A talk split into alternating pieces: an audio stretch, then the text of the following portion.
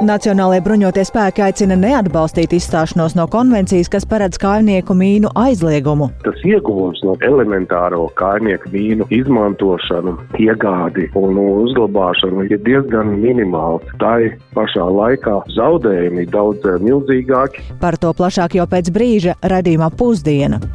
Pavērsiens cīņā par Republikāņu partijas nomināciju ASV prezidenta vēlēšanās. Palikuši tikai divi kandidāti un palielinās Donalda Trumpa iespējas nokļūt šajā amatā. Un starptautiskā lidosta Rīga piesaka ambiciozus attīstības plānus un arī jaunu lidostas zīmolu. Arī par to plašāk jau tūdaļ raidījumā pusdiena.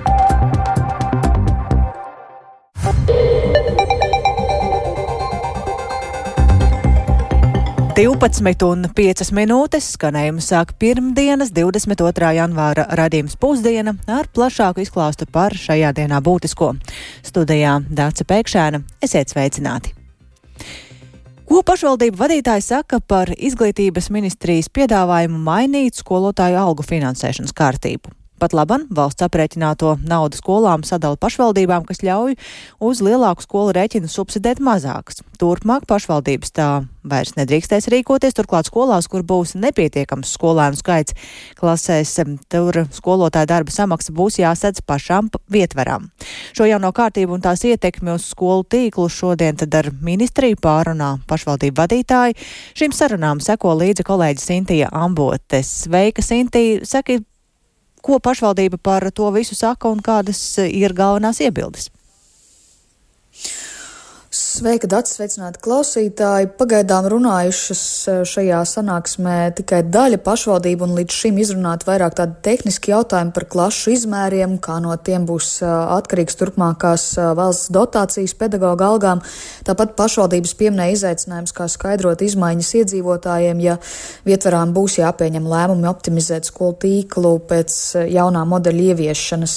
Jaunā sistēma tātad paredz valsts finansējumu piešķirt tām skolām, kas atbilst noteiktiem klašu lielumu kritērijiem.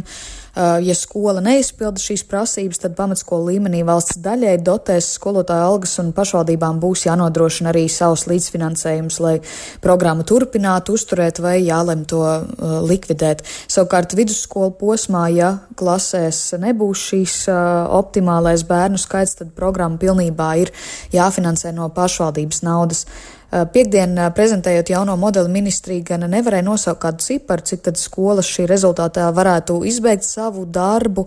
Arī šodien par to vēl šobrīd nav diskutēts. Eh, tikmēr pašvaldības iepriekš norādīja, ka tā ir liela slodze to budžetiem, ja lemj kādas šim modelim tās neatbilstošās programmas saglabāt. Tāpat šodien pašvaldības iezīmē pakārtotas problēmas, proti jāpilnveido infrastruktūra un skolēnu pārvadājumi pēc skolu tīkla koncentrācijas pēc šī modeļa ieviešanas. Savienības, pašvaldības savienības ieskatā ministrija vienlaikus ar jaunā modeļa izstrādi nav veikusi kādas sarunas ar satiksmes ministriju vai vidas aizsardzības reģionālās attīstības ministriju, lai šo šīs problēmas arī varbūt sakārtotu. Jauno modeli programmu skolā pašvaldības testējot jau kādu laiku, un tas jau rosinājis arī pašvaldībās diskutēt par skolu tīklu optimizāciju. Piemēram, esam dzirdējuši arī par Tūkumu novada domē notiekošo, tātad februārī tai jālem, vai nākamajā mācību gadā Engurē vēl būs vidusskola, par ko, protams, protestē skolotāji un iedzīvotāji. Izglītības un zinātnes ministrija norāda, ka reformas mērķis ir vienlīdzības starp skolām šajā finansējuma aspektā un lai pedagogiem šis atalgojums būtu konkurētspējīgs, neatkarīgs, neatkarīgi no skolas. Pērn novembrī ministru kabinets apstiprināja ministrijas informatīvo ziņojumu par jauna modeļa izveidi un līdz janvāra beigām plānots pabeigt normatīvu izstrādi, ko sabiedriskajai apspriešanai nodos februāra sākumā un ieviest to plānots jau nākamajā mācību gadā, tātad 1. septembrī. Taču neskaidrība ir vēl ļoti daudz, un arī par šodienas diskusiju vēl plašāk stāstīsim pēcpusdienā. Dace! Paldies Sintējai Ambotei, jā, tad gaidīsim plašāku tavu stāstu par sanāksmē jau secināto raidījumā pēcpusdiena. Bet um, Neapmierinātība skolotāju vidū par atalgojumu ir arī mūsu kaimiņiem Igauniem. Prasot lielāku algu, Igaunijā šodien ir sācies skolotāju beztermiņa streiks. Streikotāji prasa vispār izglītojošajās skolās skolotājiem noteikt gandrīz 2000 eiro lielu minimālo mēneša algu, jo lielā darba slodzi un zemais atalgojums radot ar vien lielāku skolotāju trūkumu. Plānots, ka streikā piedalīsies nepilni desmit tūkstoši skolotāju no vairāk nekā 300 skolām, un tikpat liels skaits paredzēts arī solidaritātes streikā, kas sāksies parīt, tātad trešdien, un varētu ilgt līdz trim dienām, un tajā piedalīsies gan skolotāji no vispār izglītojošajām skolām, gan arī bērnu dārziem un interešu izglītības skolām. Tik tālu par izglītību un tai trūkstošo naudu, bet uh, tikai, ne tikai pie mums, tātad, bet um, daudziem mājasemniecību ienākums un arī spēju sekt kredīt saistības ir ietekmējis straujais Eiribor likmi kāpums, tādēļ saimas deputāti Latvijā iepriekš vienojās par kompensācijām mājokļu kredītņēmējiem, ko saņems lielākā daļa hipotekāro kredītņēmēju. Kā un kad tas notiks tīri praktiski, Tad ir izstrādāta īpaša kārtība, ar ko šodien plašāk iepazīstina Finanšu nozares asociācija, un par to šorīt redzīmā labrīt kolēģei Artai Skujai vairāk klāstīja arī Finanšu nozares asociācijas vecākais padomnieks juridiskajos jautājumos zvērnāts advokāts Edgars Pastars. Paklausīsimies sarunas fragmentu vispirms par to, kā zināt, vai cilvēks ir nonācis šīs konkrētās kompensācijas saņēmē vidū. Ņemot vērā, ka ļoti liels klientu skaits saņem šo kompensāciju, arī bankas kopā ar valsts iestādēm būs izstrādājušas metodisko materiālu, lai būtu skaidrs, tad, kā klients to uzzina, cik ir jāmaksā valsts viņam dienestam un kā viņi praktiski to saņems. Katram klientam tiks sniegta informācija par to, vai viņš kvalificējas un kāds tieši maksājums, kādi tieši dati ir nodoti valsts viņam dienestam un kādu summu šī persona saņems. Pirmais maksājums, kas bankām ir jāveic valsts budžetā, ir rīt. Savukārt klienti pirmo maksājumu saņems aprīļa otrajā pusē. Saņems viņi no valsts kases savā kontā. Viņiem nekur nav jāpiesakās, un viņi nevar no šiem maksājumiem arī atteikties. Varētu teikt, viss ir ļoti vienkārši un skaidri, jo tie ir standarta gadījumi. Mājoklis, hipotekārais kredīts, eiro valūtā, klients maksā vienreiz mēnesī pēc grafika. Tomēr dzīvē viss nav tik vienkārši. Tāpēc arī mums nācās gatavot diezgan izvērstu materiālu, lai skaidrotu dažādas nianses Tā skaitā mantojuma gadījumā, gan tad, ja kredīts nav eiro valūtā, viņš ir piesaistīts citiem indeksiem, ir hipotekārais kredīts, bet tas nav mājoklim. Divām personām ir kredīts, bet viņi šķirās, un kas jāpārformē uz vienu personu, vai tas kompensāciju zaudē vai nē. Ļoti daudz tādu tehnisku jautājumu, kuri klientiem var būt svarīgi. Un, lai viņus visus iepriekš apzinātu, varētu izveidot kādu sistēmu, kā tas darbojas. Mēs arī ļoti daudz strādājam, lai izveidotu metodisko materiālu, ar kuru visi klienti varēs iepazīties. Redzēt, arī aprēķina piemērus, kuros gadījumos viņiem rēķinās 30% no maksājuma un kad darbosies tāds specifiskais likumā paredzētais 2% punktu ierobežojums. Tas ir personām, kurām ir augstākas procentu likmes, kā likums paredz, ka tad maksājumi notiek pēc divām formulām. Esam izstrādājuši šo metodiku. Kas būs universāla neatkarīgi no tā, kurā bankā cilvēks ir ņēmis savu mājokļa kredītu? Jā, tieši tā, tādēļ arī, lai klienti gan arī vairākās bankās varētu salīdzināt, varbūt viņiem ir vairāk kredīti dažādās bankās, un viņi saprastu, kāda ir pieeja tad visām bankām būs viena pieeja, kādā veidā aprēķināt, kā informēt klientus un risināt arī neskaidros jautājumus, jo tādu patiešām ir daudz, lai gan tie neskata lielu klientu skaitu. Un savukārt, ko cilvēks dara ar to atbalstu, ko saņem, ko viņam ieskaita no valsts kases, tā ir brīva izvēle. Nav obligāti jāizmanto kredītsaistību sekšanai. Jā, tieši tā. Ir gan viens nosacījums, klientam ir jāsamaksā procenti tajā attiecīgajā mēnesī. Viņš nevar viņus nemaksāt. Ja viņš procentus ir maksājis, tad viņš attiecīgi no samaksātā saņem šos 30% vai ne vairāk kā 2% punktus no likmes. Ir dažs nianses vēl par to, ja klienta vietā maksā kāda cita persona, tur galvotājs, piemēram, vai arī radinieks. Arī šie gadījumi atrunāti, kā rīkoties šajās Jā. situācijās. Dzirdējām Finanšu nozares asociācijas vecāko padomnieku juridiskajos jautājumos Edgaru Pastaru par atbalstu kredītņēmējiem. Bet Nacionālajie bruņoties spēki aicina neatbalstīt izstāšanos no dokumenta, kas paredz kainieku mīnu aizliegumu jeb Ottavas konvencijas. Izvērtējums par iespējamo izstāšanos ir veikts pēc aizsardzības ministra Andres Prūda no partijas progresīvie uzdevuma.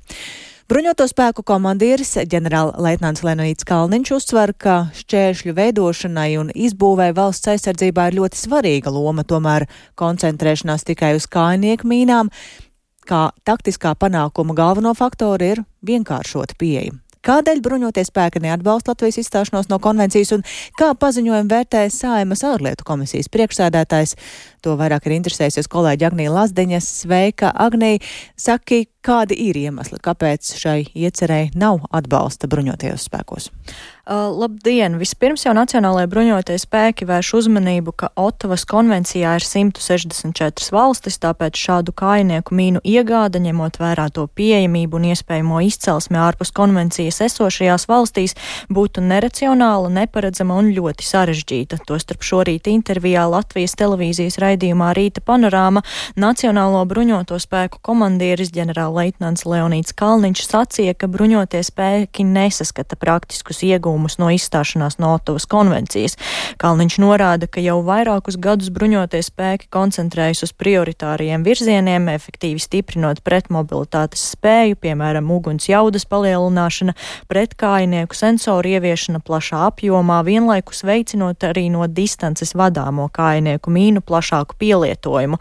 Un, kā skaidro bruņoto spēku komandieris, no likumiskā aspekta Otavas konvencija neaizliedz pretanku mīnas un no distances vadāmās kājnieku mīnas, kā arī citu pretmobilitātes pasākumu veikšanu, lai apturētu mehanizētu vienību uzbrukumu.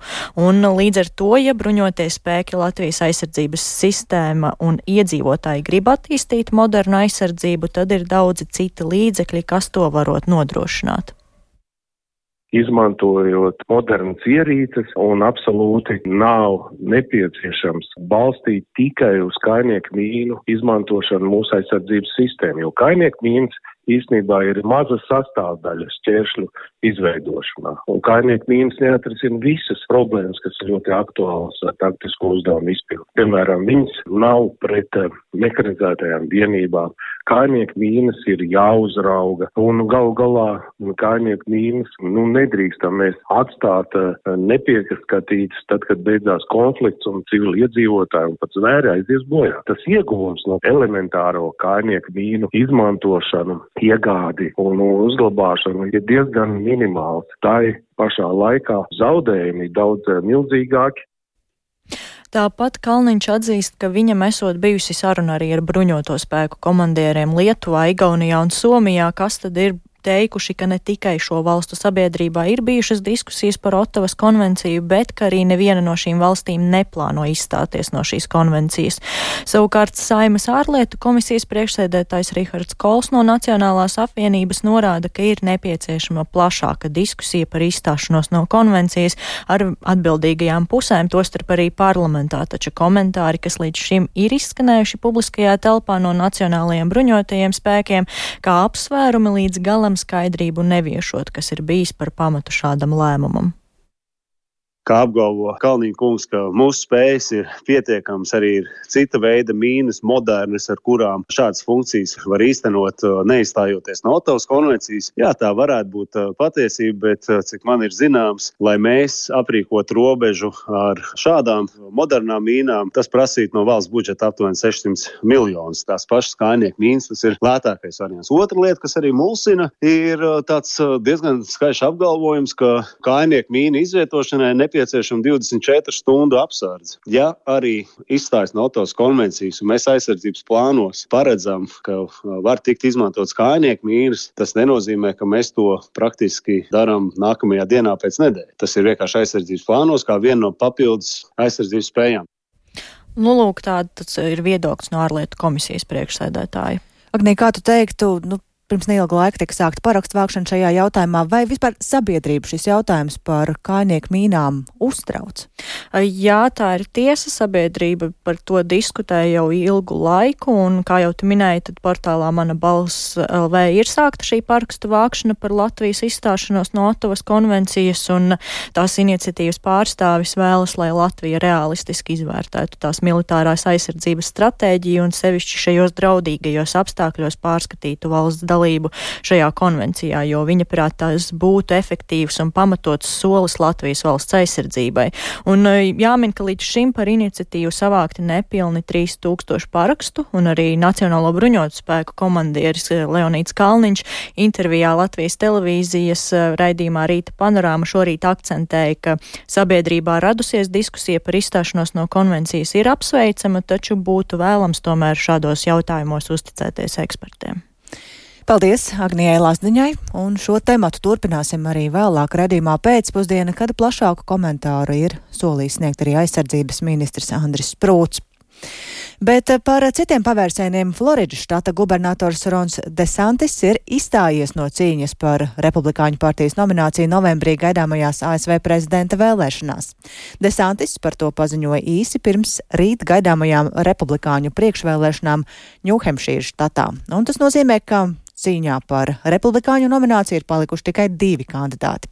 Bijušais ASV prezidents Donalds Trumps un bijusī ASV vēstniece ANO Nikija Heilija. Vairāk ASV priekšvēlēšana cīņās ir iedziļinājies kolēģis Uldis Ķesberis.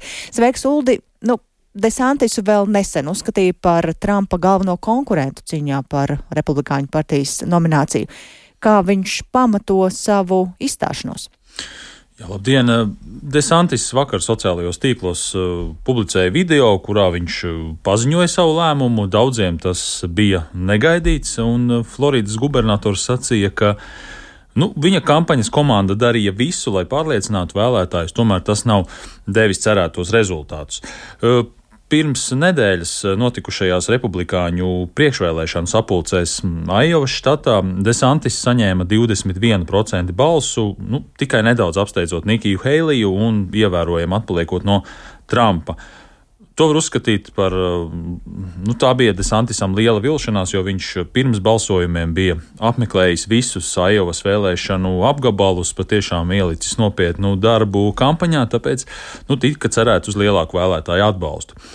Un nu, visticamāk, ka Desantis lēmumu izstāties ietekmēja arī vēlētāju aptaujas, kas viņam paredzēja ļoti zemu atbalstu un pārliecinošu trešo, tātad nu, pēdējo vietu rīt gaidāmajās priekšvēlēšanās Ņūhempšīras štatā. Un Desantis vakar arī aicināja savus atbalstītājus nu, turpmāk balsot par Trumpu, un tad varam arī paklausīties viņa teikto. It's clear to me that a majority of Republican primary voters want to give Donald Trump another chance. Man ir skaidrs, ka lielākā daļa republikāņu vēlētāju vēlas dot Donaldam Trumpam vēl vienu iespēju. Viņi vēro, kā Trumpa centieni atgriezties prezidenta amatā saskaras ar nerimstošu pretestību, un viņi redz, ka demokrāti saviem uzbrukumiem Trumpam izmanto likumu kā ieroci. Man ir bijušas domstarpības ar Donaldu Trumpu, piemēram, par koronavīrusa pandēmiju. Trumps ir pārāks par pašreizējo prezidentu Džo Baidenu. Tas ir skaidrs. Viņam ir mans atbalsts, jo mēs nevaram atgriezties atgriezties pie vecās pagājušo gadu republikāņu gvardes, kuru pārstāv Nikija Heilija.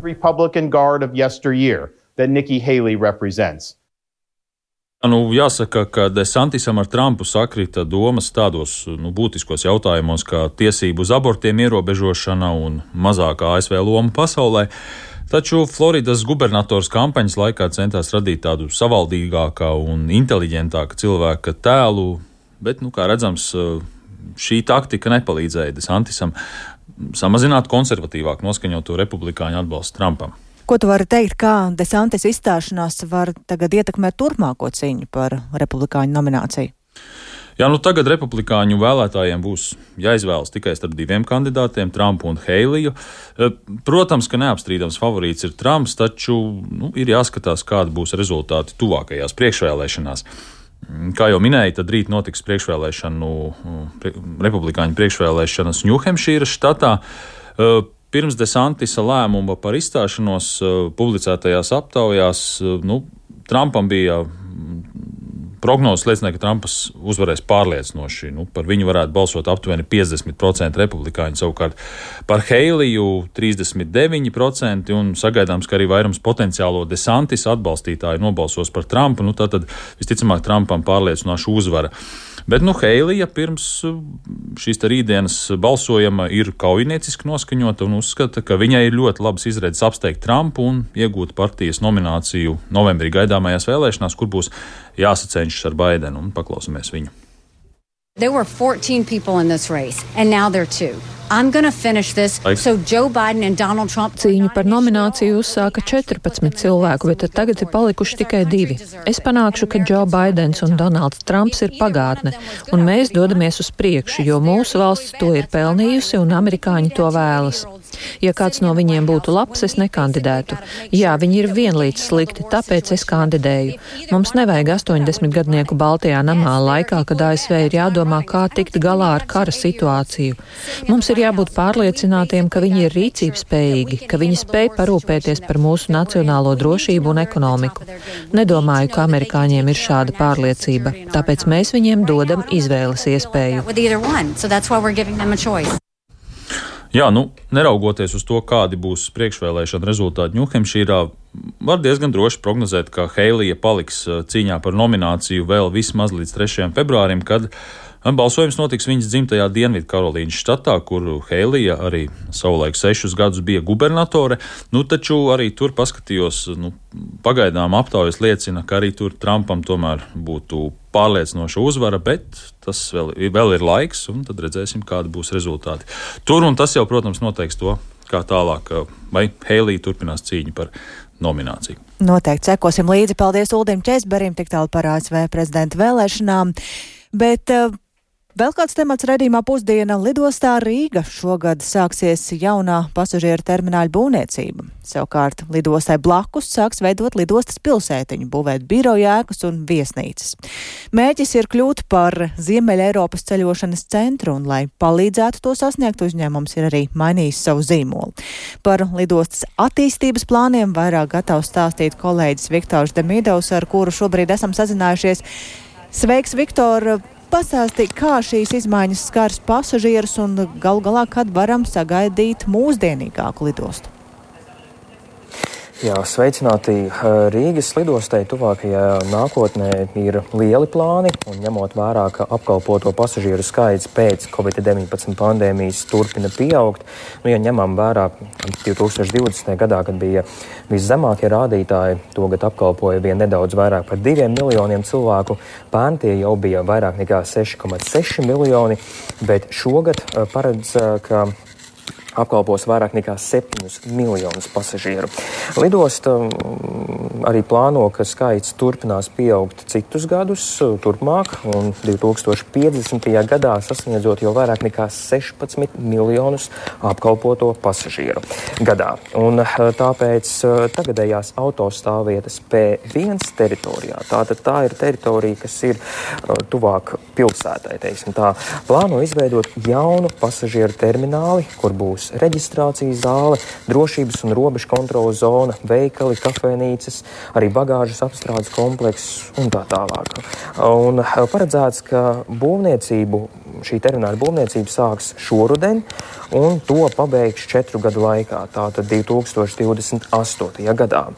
Lidostā lēš, ka nu, tas termināls izmaksās 167 miljonus eiro.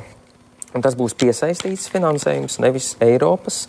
Uh, un, uh, bet ar to lidostas attīstība nebeigsies. Uh, lidostas apkārtnē plānots veidot pilsētu, tas arī tuvāk pilsētai Rīga, tātad uz to pusi, mm, uz jūrmālas šoseis pusi, sāks veidot, kā jau minēju, pilsētu, būvēt viesnīcas, biroja telpas.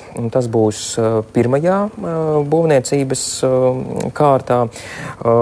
Tad nākamās kārtas vēl precīzi nav zināmas, kas tur būs, bet tas, to visu izveidos sarunu gaitā un uh, kopējās investīcijas uh, 300 miljoni eiro. Tātad uh, šī, šai pilsētai un uh, pirmo kārtu paredzēts pabeigt arī 2028. gadā, un tad nākamās kārtas tad attiecīgi vēlākos gados, piemēram, 30. gads un, un, un citus gadus.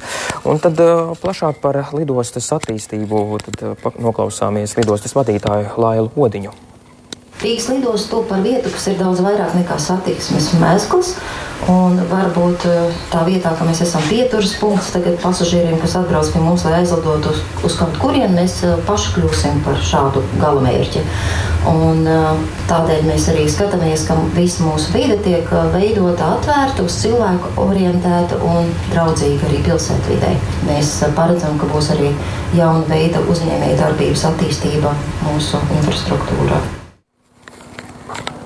Tālūk lidostas vadītāja, bet, ja runājam arī par pašu nosaukumu, tad turpmāk um, lidostas nosaukums būs Rīgas lidosta. Līdz šim tā bija lidosta Rīga. Nu, nelielas izmaiņas, bet tomēr kaut kas mainās. Dace?